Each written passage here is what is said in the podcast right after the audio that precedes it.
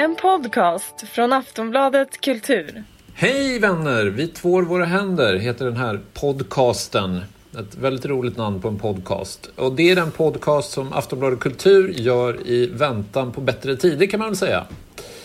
Eh, det är vår karantänpodcast helt enkelt. Och idag ska vi prata om Unorthodox. TV-serien som drabbat kultursverige hårt mitt under coronakrisen. En berättelse om en individ som frigör sig från kollektivet med hjälp av Franz Schubert.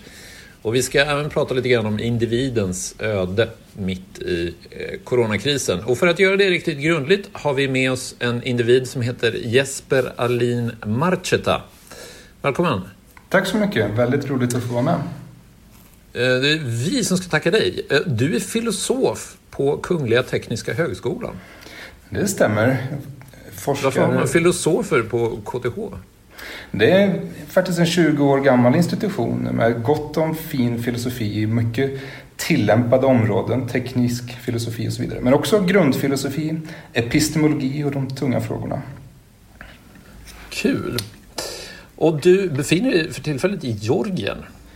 Det stämmer. Jag har bott här nu ett tag och sitter i Tbilisi i halvkarantän. Bidrar, försöker bidra till Sverige.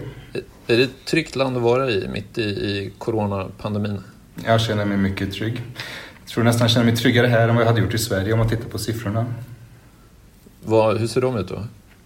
Jag tror det ser bättre ut här. Jag ska inte uttala mig för starkt för jag är inte superkoll men det ser lite bättre ut här. Ja, och vi som är standardinventarier i den här podden, det är jag, Martin Ågård och eh, Karin Pettersson som är kulturchef på Aftonbladet. Välkommen du med. Hallå, hej Martin. Hej Jesper. Hej. Tjena. Eh, och vi ska som sagt prata om Unorthodox med anledning av en eh, text som eh, Jesper har skrivit i Aftonbladet Kultur som eh, har fått rubriken Kollektivet kan vara ett fängelse utan murar. Eh, och den handlar om tv-serien Unorthodox. Till att börja med, är det, är det en bra serie det här eller inte? Vem frågar du? Jag frågar rakt ut i, i rymden. Ja. Skickar frågan till Jorgen och till Nej, Jag kan svara på det så kan eh, Jesper prata om eh, individen mot kollektivet. Jag, du, har skrev, du skrev ju en text för ett par veckor sedan Martin som handlar om coronaomdöme. Exakt. som handlar om att vi är så understimulerade och eh, jag tror också känsliga liksom. Lättrörda, känslan ligger utanpå huden på något vis i den här perioden så att allting går rätt in. Och jag måste säga att jag, när jag först såg serien så blev jag drabbad av den och det var först liksom 48 timmar senare som jag förstod att den var inte så bra.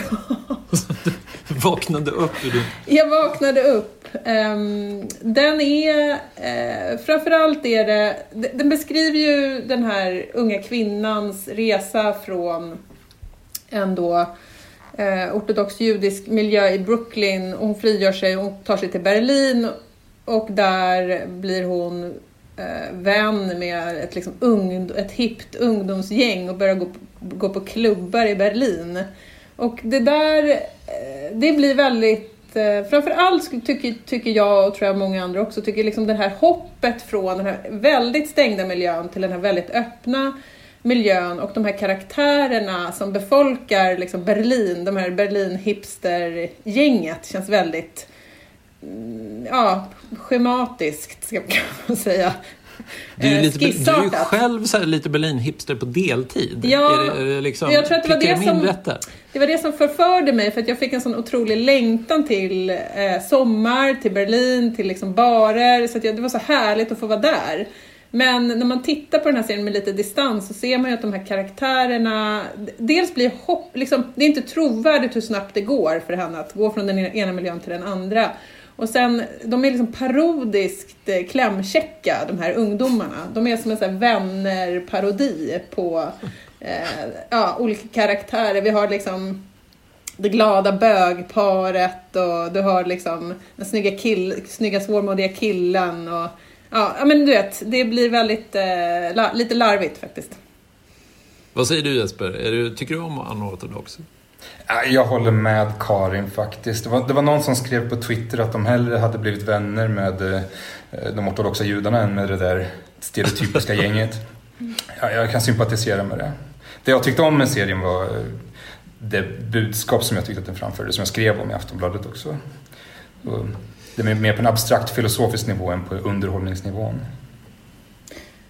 Ja, jag har ju som sagt en teori om att det finns ett sorts litterärt eh, Stockholmssyndrom. Alltså en, en, en, känsla att när du blir gisslantagen, oftast händer det när du läser extremt långa romaner, att tiden bara går och du bara sitter med den här liksom, kulturprodukten hur länge som helst. Till slut måste du börja tycka om det, för att annars infinner sig en känsla av att livet är helt meningslöst. Och det, tror jag, alltså, och det är någonting tror jag vi kan uppleva i liksom coronakrisen när vi sitter hemma i vår karantän och, och tittar på Netflix. Att om inte det här är bra, vad, vad, liksom, vad är mitt liv då? Det är ju helt värdelöst i sånt fall. Men jag tycker det finns, det finns ju en stor grej med Unorthodox och det är att det här är en tv-serie på jiddisch. Och det är liksom en av de första riktigt seriösa jiddischproduktionerna sedan eh, 30-talet när det gjordes en del jiddischfilm i Hollywood och Europa och sådär.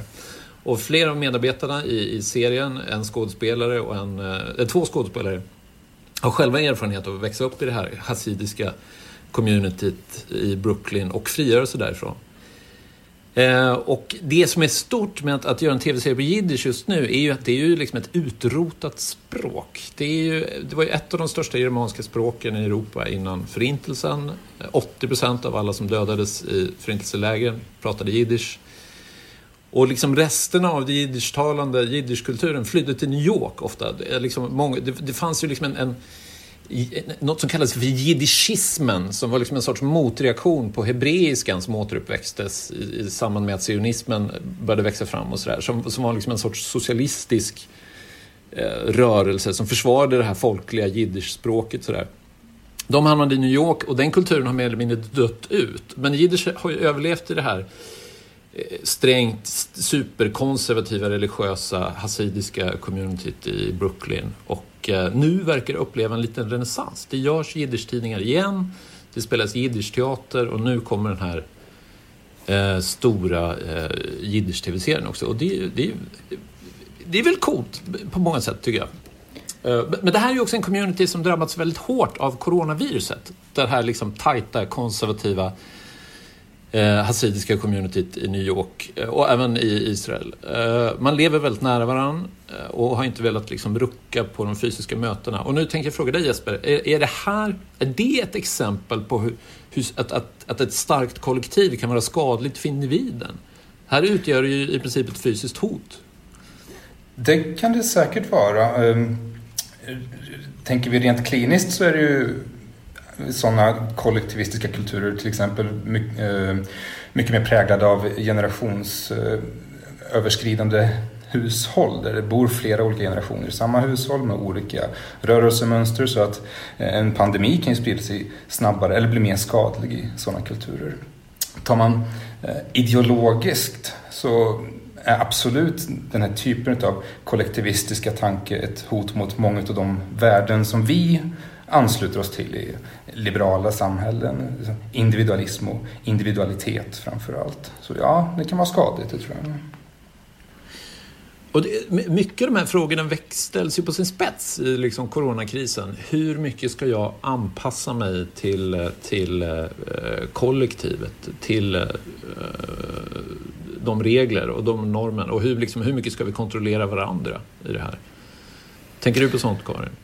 Ja, men jag tänker på sånt och jag tycker det är intressant eh, i den här diskussionen mellan olika mm, strategier nu som olika länder har tagit till där man kan se att ehm, och det har ju diskuterats ganska mycket att sådana här ehm, länder med väldigt stark centralmakt eh, politiskt historiskt, som Frankrike till exempel, där är det verkligen ehm, påbud. Eh, Macron, det är liksom han talar om ett krig, han framstår som de Gaulle, det är regler, man ska ha passersed, en passersedel när man går ut på gatan och så vidare. Eh, och sen då, mm, om man jämför med Sverige som bygger på en annan, försöker bygga på en annan politisk eh, tradition som är då det här förtroendet mellan eh, individ och stat där man lämnar mer åt den enskilde att liksom upprätthålla de här rekommendationerna som man nog kallar det, men som ändå också bygger på en annan typ av social kontroll. Det vore kul att höra vad Jesper säger om det, som ju bygger på att, som jag ser att liksom gruppen snarare än staten kontrollerar och eh, polis, fungerar som polisfunktion gentemot eh, de andra medborgarna. Vi Eh, fotar varandra när vi sitter på inte- uteserveringar. Ja, det är inte och- bara liksom individ mot stat utan det är också liksom individ mot grupp. Eh, så att jag tycker det är lite missvisande när det här man beskriver Sverige som så statsindividualistiskt. Vi har ju också en väldigt stark tradition av att eh, kontrollera varandra eh, soci- socialt. Eh, men det vore hört, intressant att höra vad Jesper, vad Jesper säger om det.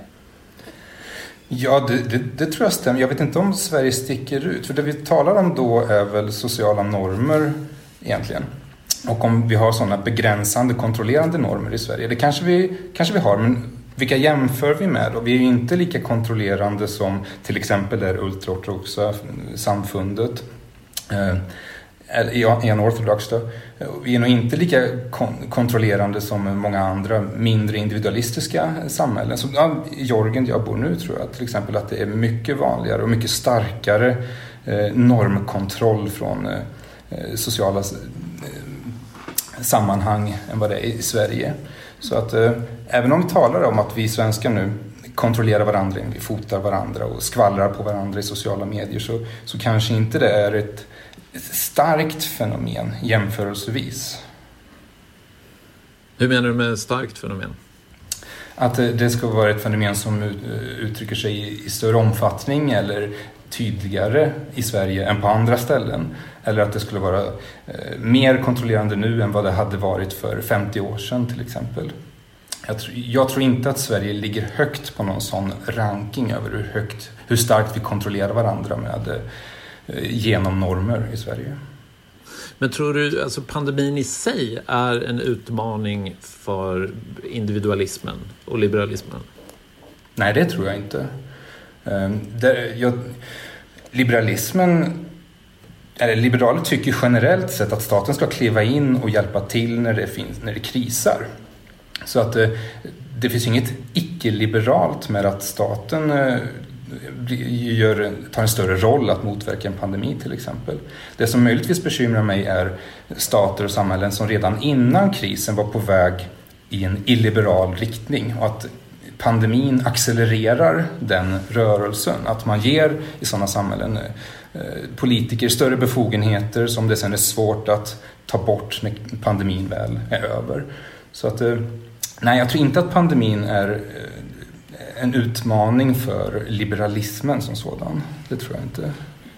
Jag tänker på en annan aspekt av eh, krisen som vi kommer att diskutera mycket framöver och det är hur den påverkar eh, ekonomisk makt och eh, fördelning av ekonomisk makt i samhället. Jag tror ju, nu ser, vi går vi mot en period med, liksom, vi kommer gå in i extrema arbetslöshetsnivåer. Jag tror att eh, stora liksom, ekonomiska entiteter som eh, de här stora techbolagen, företag som Amazon kommer eh, Eh, ja, ehm, konsolidera och ta en, bli en allt större del av ekonomin. Det kommer samla en större del av ehm, samhällsekonomin i liksom den här trenden med att färre och färre personer och företag ehm, ja, kontrollerar en allt större del av samhällsekonomin tror jag kommer fortsätta. Kan man se det som ett hot mot i, i förlängningen liberala värderingar? Det är ju en gammal diskussion, liksom den demokratiska, eller eh, demokratins friheter och den ekonomiska fördelningen, hur det påverkar möjligheten att utöva sina demokratiska rättigheter. Ja, det, tro, här tror jag att det behöver uppstå en diskussion bland liberaler hur de tänker på ekonomi. Det finns ju, åtminstone sedan efterkrigstiden, en tendens hos många liberaler att tänka på en fri marknadsekonomi som ett fundament i liberalismen. Det är ett ganska nytt påhitt. Så, var- så var det inte under 1800-talet. En liberal husgud, John Stuart Mill, han var socialist. Han kallade sig själv för socialist och förespråkade arbetarkollektiv och eh, någon typ av syndikalistisk organisering av produktionen. Och så, så att de som idag tänker att pandemin och de ekonomiska effekterna på som för, företagens makt, stor storbankernas makt, kapitalets makt och så vidare. Om de ser bevarandet av rådande maktstrukturer som fundamentalt för liberalismen, då, då, tror jag att den uppfattningen behöver utmanas av andra liberaler som inte är lika starkt fästa vid eh, kapitalismen som, eh, som, som de är. Men Jesper, här, ser du några sådana tendenser? Jag ser inga, är de liberalerna? För, ja, det är du då kanske? ja, eh, det är väl okej okay att tala i minoritet också. Men, men det här är ju nytt för mig. Alltså det här låter som en liksom radikal vändning i, i liberalismens eh, idéhistoria. För att det är väldigt få, tror jag, som har sen liksom det postsovjetiska tillståndet som liksom ser liberalismen som att det ens fanns en möjlighet till ett annat tänkande än att liksom den fria marknaden och kapitalismen skulle vara liksom ett fundament i liberalismen. Och det är det som är så bisarrt nu när vi ser liksom de stora auktoritära staterna just nu, Ryssland, Turkiet, Saudiarabien, Kina. Ingen förkastar ju den liberala ekonomin. Alla omfamnar den, alla, alla tjänar gott med pengar på den. Liksom. Uh, är du en eh, frontrunner här nu i hur liberalismen ska ta sig ur sin kris? Jesper? Jag, jag vet inte, vad ska man titta på det där? För att eh, Timbro till exempel, som brukar betraktas som en Katlas grotta eller någonting. De har varit, de, de har varit före mig med det är ändå en marknadsliberal, eller vad, vad är det de kallar sig? Vad är det de heter rent formellt? Marknadsliberal tankesmedja, det är någonting sånt där. Ja, kanske. Men, men där har ju de har publicerat rapporter om medborgarlön till exempel i positiv bemärkelse. Man förespråkar någon typ av ekonomiskt grundskydd eh, okay. för, för alla medborgare. Och det är någonting som de tänkte på innan jag tänkte på det. Så att, eh, helt frånvarande är ju inte de här idéerna med sociala analyser av ekonomiska fenomen, så att säga. Och däremot så tror jag att många liberaler och andra, det är de flesta socialdemokrater tror jag, eh, att betraktar marknadsekonomin som nödvändig för att överhuvudtaget producera värde. Till och med den socialistiska idealisten G.A. Cohen skriver att den mest lovande formen av socialism innehåller marknadsekonomi i sitt hjärta, in its heart. Så att jag tror marknadsekonomin i någon form är här för att stanna. Däremot kanske vi behöver prata om hur den ska regleras, för den måste regleras. Men vi behöver prata bra och dåliga regleringar av marknadsekonomi snarare än Ja, för några av världens största ekonomier är ju någon sorts kommandokapitalistiska ekonomier. Jag tänker på Kina helt enkelt. Mm. Och Saudi. Ja, och då, men då, då men, behöver vi också prata om friheterna där. Ja, men, men inte, ni... ja, nej, men jag funderar bara på, jag tycker nämligen eh, själv att det finns en stor brist eh, jag håller med Jesper om den analysen och tittar man på eh, liksom vänstertänkare som eh, Piketty till exempel, han utmanar ju egentligen inte i grunden marknadsekonomin utan det handlar om att man vill liksom radikalt eh, eh, reglera den på ett annat sätt. Men man vill ju inte liksom göra sig av med marknadens eh, mekanismer för värdeskapande i grund och botten. Och det egentligen, jag, menar, jag ser den tid vi lever i nu snarare som en, liksom en rövarkapitalism. Det är inte fria marknader utan det är marknader som är reglerade för att ehm, och konstruerade för, ehm, inte för fri konkurrens utan för oligopolister att liksom casha ut. Och där borde ju egentligen liberaler och ehm, socialdemokrater eller alla från vänster till ganska långt ut till höger kunna komma överens. Men jag fattar, det, det är märkligt att det inte har skett och ibland eh, tänker jag att det handlar om ekonomiska intressen, privatekonomiska intressen och sådana saker där folk är, har egna intressen av att det ska fortsätta som det gör helt enkelt. Men här står en liten dörr på glänt mellan, mellan vänstern och liberaler. Som, eh, och den är mer öppen än vad den har varit på många, väldigt många år. Man har en gemensam fiende nykonservatismen som har liksom genomfört en sorts politisk revolution under 10-talet. Är det dags för vänstern och liberaler att göra enad front mot konservatismen nu? Jag tycker det. Jag tycker det. Ja, se här! Det är här det, är här det börjar i vår podcast. Say hello to a new era of mental health care.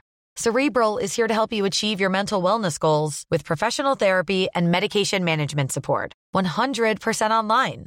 You'll experience the all new Cerebral Way, an innovative approach to mental wellness designed around you. You'll get a personalized treatment plan from a therapist, prescriber, or both in a safe and judgment free space. Your cerebral therapist or prescriber will outline a customized plan with clear milestones along the way so you can get to feeling your best. With Cerebral, you're not alone in your mental health journey. We're here to empower you to live a fulfilling life. So take that first step towards a brighter future and sign up today at cerebral.com slash podcast and use code ACasts to get 15% off your first month. Offer only valid on monthly plans. Other exclusions may apply. Offer ends July 31st, 2024. See site for details. Men är det, är det liksom, är, är det möjligt? Ett möjligt scenario överhuvudtaget? Eller är det en, en rolig tankelek bara? Finns det ett politiskt utrymme för en sån? Nej, men jag tycker det är en, om man tittar på en fråga som till exempel, nu är vi väldigt långt ifrån eh, diskussionen om unorthodox. Men, vi kommer till det, vi måste komma tillbaka till det väldigt snart. Här. Nej, men om, man, om man tittar på en fråga som till exempel eh, vinst i välfärden. Jag tycker det är ett bra exempel på en fråga där det finns ett stort folkligt stöd för att begränsa och reglera och att det här inte är marknader som ska fungera på de, under de villkoren. Men det finns ett politiskt motstånd och det finns en koppling mellan en politisk, ett politiskt etablissemang och en välfärdskapitalism. Eh, alltså för, liksom, företag som tjänar pengar på detta. Eh, och det, det här ser vi ju ganska... Alltså, det är inte liksom en ren diskussion utan här finns också egna intressen och det finns um, starka kanske bidragsgivare till de här partierna. Det finns um, det, är en, det är en situation som är mycket mer komplicerad än att bara handla om idéer så att säga. Ja, för mig, som jobbar med idéer, för mig som jobbar med idéer så är det alltid tråkigt att höra. Fast jag, jag instämmer ju naturligtvis. Det, jag tror att det är sociala, politiska och materialistiska krafter som driver verklighetens utveckling framåt. Idé, idéer, sådana som jag själv jobbar med, då har nog mycket att göra med att tolka de befintliga rörelserna snarare än att driva på dem, skapa nya rörelser. Men och jag ska, jag ska avstå från att spekulera för mycket i politik, partipolitik särskilt, för jag är inte så jag är inte så superinsatt. Jag jobbar med som sagt i idéer och om man tittar på liberalism och den förvåning som kanske du Martin uttryckte mest här över liberalismen, den dörren som står på glänt. Titta på liberalismen och dess idéhistoria. Det, det är inte en vänster eller en högerideologi. Utan den, liberalismen erhåller sin plats på den politiska kompassen utefter samhällsskeendena. Under 1800-talet så var liberalismen en vänsterrörelse. Då stod man emot, mm. tillsammans med socialister, stod man emot borgerligheten och eh, den konservativa royalismen som var antidemokratisk. Det var samhällsfenomenen på 1800-talet gjorde liberalismen till en vänsteridé. Och den förändring som vi sett under 1900-talet som har gjort liberalismen till en högeridé temporärt för att tillägga. Det är, ju, det är ju den här konflikten mellan kommunism på ena sidan, eller socialism och kommunism på ena sidan och eh, konservatism och liberalism på den andra sidan. Eh, så att det är de rådande fenomenen som placerar ut liberalismen på, på den politiska kartan. Det är inte en inneboende höger eller vänsteridé. Och nu tror jag att det finns möjlighet för liberalismen att återigen återgå till att bli en vänsteridé som det brukade vara. Så att för, vi ska inte vara för förvånade, vi ska bara titta på historien och titta på eh, de idéer, som, de resurser som finns i liberalismens idéhistoria och, och se hur vi kan skapa en ny liberalism för idag. Liberalismen håller på att hitta hem helt enkelt. I någon utsträckning. Ett nytt hem. Ett nytt hem, nu, ja, men såklart. Hörrni, vi har ju ändå lovat att prata om unorthodox här nu. Vi måste faktiskt återvända till den. Eh, och Jesper, du, du, du läser den här tv-serien precis utifrån den här krisen för individualismen och liberalismen som just pågår. Eh, och det handlar ju om en individ som frigör sig från kollektivet. Eh, vad är det i historien som fångar dig? Vad vill du säga i din, din text? Så, så två saker. Första, jag vill återkomma till det här med att liberalismens kris. Det vill jag prata mer om för jag är inte helt övertygad om den beskrivningen. Men min läsning av unorthodox, eller så som jag ser den, så det jag ser är SD som förväntas spela en social roll som husfru. Istället för att söka och finna en egen identitet, en egen vilja utanför traditionernas ramar. Så du ser den här konfliktlinjen mellan individualism och kollektivism, individualitet och konformitet. Den är så tydlig i, i, i serien. Män ska vara män, kvinnor ska vara kvinnor, försörjare, försörjda. Det, det är så som hela det här samfundet är konstituerat, uppbyggt. Och om medlemmarna i samfundet slutar att spela de här sociala rollerna, då faller hela samfundet isär. Och kollektivisterna i den här serien då, de värderar samfundet som sådant. De vill inte låta medlemmarna att kliva ut ur sina sociala roller. De, för då faller ju samfundet. De, därför förespråkar de konformitet, likformighet. Men SD, hon, hon vill inte underkasta sig det. Och det, det är det jag ser som det fina i kärnan i en ortodox. Jag kan tycka att eh, kanske utan att vara liksom... Jag håller med dig i mycket av det du säger, men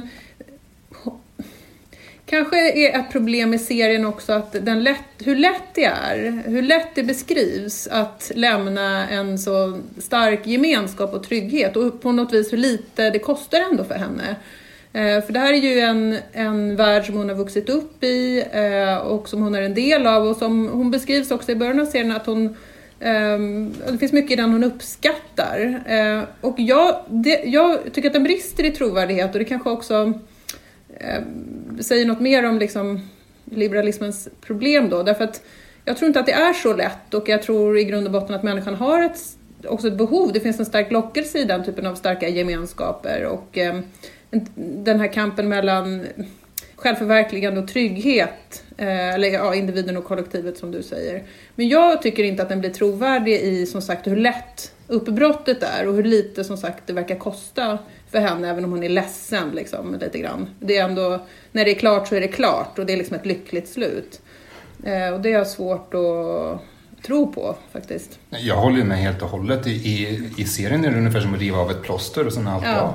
Det, men eh, det finns ju... Jag tänkte på det, de, de, de i crewet där som beskriver sin egen resa ut ur det här communityt. Eh, de beskriver en resa som pågår i 10-20 år. Alltså efter 20 år så upptäcker de att de själva kanske liksom väldigt, väldigt långsamt rört sig ut därifrån och, och inser att de inte är kvar helt enkelt i, i gemenskapen. Så det är ju, ja, visst, det är ju väldigt mycket tv-serier. Men är inte Jesper, för jag tänker också den diskussion som vi har haft de senaste, och Martin, de senaste decennierna har ju handlat om kanske i Sverige och kopplat tillbaka till den här föreställningen om svenskar som, och statsindividualismen och det här, att vi har saknat då gemenskaper. Eh, och att eh, det funnits en eh, längtan efter någonting mer än liksom individ, stat, global värld. och vad, vad i ett icke då religiöst samhälle, vad är, hur ska de gemenskaperna se ut? Det är ju också en viktig eh, fråga som vi väl, där en del religiösa tycker att tillbaka till religionen. Eh, vi ser en sån stark tendens, men ja, vad är vi andra då? Vad ska vi ersätta de här gemenskaperna med? Ja, en fråga är väl om de behöver ersättas. Tror du inte det? Det är det jag undrar. Ja, det beror på lite hur man tänker. Vi tittar på till exempel särbeskattningen i Sverige. Eh, när, när man började beskatta människor som individer istället för som familjehushåll. Det var ju ett sätt att bryta sönder familjen, att bryta sönder en gemenskap. Och vissa beskriver det som att vi har offrat familjen på individualismens altare ungefär. Men ur ett annat perspektiv, det som jag själv förespråkar, så var ju inte det på något sätt ett offer det var ju en moralisk vinst. Att vi, att, att vi börjar betrakta individ, människor som individer även ur skatteteknisk synpunkt. Och då är frågan, behöver vi verkligen familjen till exempel som en påtvingad gemenskap i den utsträckning att vi måste beskatta den som ett hushåll? Det är en, en realpolitisk konflikt som jag tror kan blossa upp snart framöver. Men, ja, förlåt. Nej, nej men jag, det, det, tycker jag inte att vi... Jag vill inte ha tillbaka någon sambeskattning, men jag tänker koppla till en diskussion som har förts inom eh, feminismen, de också senaste, om man ser liksom de här tredje och fjärde vågens feminism har ju också handlat om bland annat att, att eh, det, var, det, det var inte så lätt att vara liksom att va, vad är det att vara helt frigjord? Är det att vara liksom utan beroenden av andra människor? Är det att vara... Eh, hur konstruerar man sin identitet liksom i, där, när idealet är att, ens, att ensam är stark? Eh, den diskussionen tycker jag har kommit bara nu sista decennierna eh, bland feminister till exempel. Jag tycker den är, den är intressant. Om man liksom vänder, om man tittar på en person som Nina Björk till exempel, hennes utveckling från under det rosa täcket till idag en mycket mer liksom, pratar om kollektiv och gemenskaper och beroende mellan människor. Jag tror att det där är en, någonting som finns i, i många, um, en konflikt som många bär på, jag, jag själv bland annat, att liksom man vill både vara fri men man vill också vara en del av någonting. Jag tycker inte du har något bra svar där. Jag tror att... Eh, jag, jag har inte läst just Nina Björk. Däremot Nej. så har jag läst en del akademiska filosofer som rör sig i samma tankar. Och där, det finns en nidbild av individualismen. Att individualister modellerar människan som en social atom oberoende av sociala influenser. Men det är inte riktigt så individualister ser på sig själva. Individ, om man tittar på samtida, nu, nu, jag kommer här som filosof, jag pratar om vad den filosofiska litteraturen säger. Då, då, då, den vanliga uppfattningen bland individualister om hur vi ska föreställa oss individen är som en socialt konstituerad varelse som erhåller sina eh, preferenser och preferensordningar och begär utefter sin sociala kontext. Det är omöjligt för en människa att fälla ett värdeomdöme utan, och säga alltså den här riktningen ska mitt liv gå i utan att befinna sig i en social kontext som ger värdet ett innehåll. Så att det finns en risk att anti-individualister förhåller sig till individualismen utefter den här nidbilden om en Robinson Crusoe som är oberoende. När individualister själva betraktar sig som, eh, so, som betraktar människan som en social varelse. Du menar att individualismen är inte en individualism? Den är inte så individualistisk. Individualismen är inte atomistisk. Om vi tittar Friedrich Hayek, som många liberaler betraktar också som en annan husgud, han skrev att eh, individualister utgår från människor vars hela existens bestäms av deras plats i samhället. Eller John Dewey, en annan sån central individualist, som menar att om vi föreställer oss individer utan sociala sammanhang så, så föreställer vi oss monstruiciteter, alltså någon slags monster. Så, så att individualister själva tänker ju på individen som en social varelse. Så det är synd att anti-individualister inte också gör det.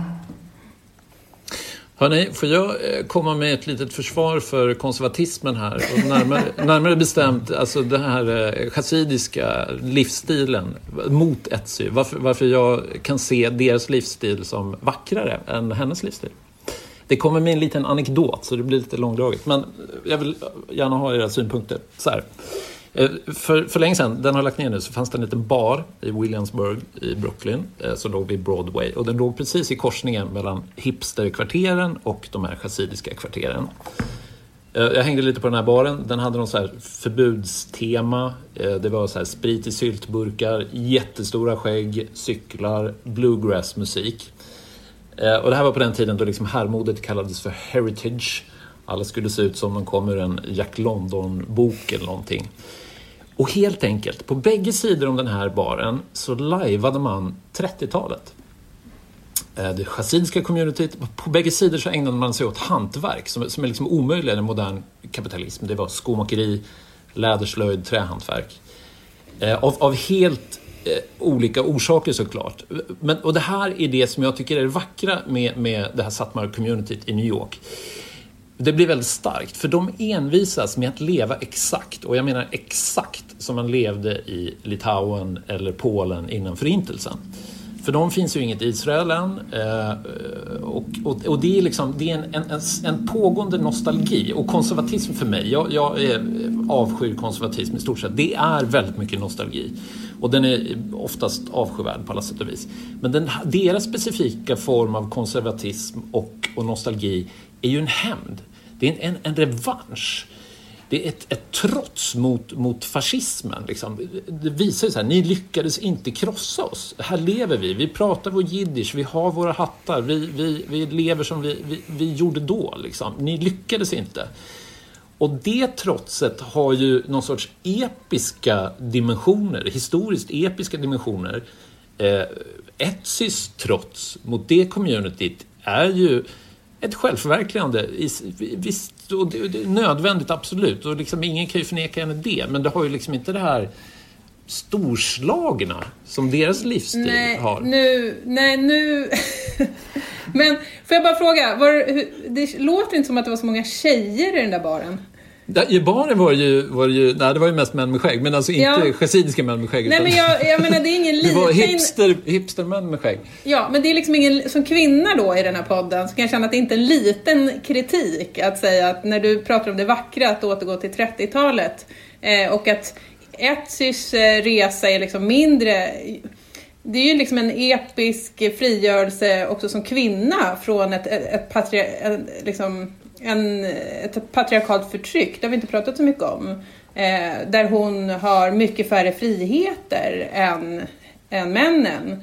Där hon, har mycket, hon är helt begränsad. Eh, de, alla är de begränsade, men hon är mycket mer begränsad och förtryckt. Och, Um, så att jag, nej jag kan inte se det episkt. Men du har ju helt rätt såklart, men kan du förstå den? den jag liksom... kan förstå den. Ja, det måste man ju kunna förstå, absolut. Den estetiska längtan eller det, ja, det, ep, det episka i att säga att liksom, vi stryker ett streck över allt det här. Eller som en motståndshandling, ja det kan jag förstå. Men jag, jag, blir, jag blir rasande samtidigt. Ja, den här romantiska beskrivningen av den här gemenskapen, den faller ju något när man lägger till det faktum att folk får inte lämna. De är förbjudna att lämna. Så det är ju bara romantik om man bortser från det. Det är sant. nu, jag försöker komma på något jättebra motargument här, men det gör jag inte. Jo, alltså ett, jo.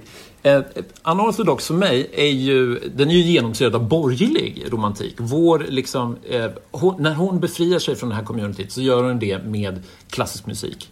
Hon spelar piano. Hon går också på klubb. Ja, det gör hon ju också. Men, och ligger men vet, runt den här idén om kulturen som ett frigörelseverktyg för individen, det är ju en, en trop som har funnits, följt humanismen åt sedan humanismen föddes. Det finns massa filmer på temat. Uh, Billy Elliot kan vi nämna, en klassiker på temat om arbetarpojken som börjar dansa ballett. Uh, och de här idéerna om liksom kulturen som uh, kulturen och individualismen, de föddes ju samtidigt. Nu är Jesper, du är expert här, men, men är liksom med 1800-talets borgerskap och i liksom, kulturen för dem var ju ett, verktyg att visa att de var någonting annat, att de var bättre än liksom kyrkan, än, än kungahusen som, som de revolterade mot. Eh, det, det, det här är liksom det är väl en väldigt gammaldags eh, idé om individen. Att, att man ska spela Frans Liszt och så blir man frigjord. Oh, är, är det inte en selektiv bild du har här? För vi har ju otroliga kulturrevolutioner som pågår ute i förorterna i Sverige där folk skapar sin egen musik på sin egen väg. Och på det sätt som de själva vill och det är DIYs, man gör egna musikvideos och så vidare. Så, så man ska inte välja sina kulturella uttryck när man gör den analysen heller. Då får man ju ta med hela kulturen. För jag tror själv som har spelat mycket punkmusik till exempel, eh, att det har varit otroligt eh, viktigt för mig att, eh, för att jag ska kunna forma en bild av vad jag tycker är vackert, vad jag tycker är fint att lyssna på. Så, så hela den här estetiska dimensionen av min individ har ju kommit från att jag har suttit ute i en svettig replokal och spelat punk. Så. Vilken punk har du spelat? Är det någon punk vi, vi kan rekommendera lyssnarna att lyssna på här efteråt? Kan vi lägga till sån här beep så att det inte hörs mina... vi kan se, vi kan testa. Det är halvsnabbt och det är hårt och det är argt och det är anti-auktoritärt kan jag säga. Bra. Hörni, vi, vi rundar av där. Det är bättre att klippa eh, när man har som roligast. Eh, och, Visste inte att du hade en sån nostalgisk längtan Martin? Jo då, skägget har växt här nu. Nej, det har, ja, jag, jag har faktiskt det. rakat mig lite nu men eh, det växer i coronakarantänen. Ja. Uh, tack Karin Petran, Tack! Jesper Alin Malcheta, Tack så jättemycket. direkt från Georgien, eh, och jag, Martin Ågård. Vi hörs nästa vecka.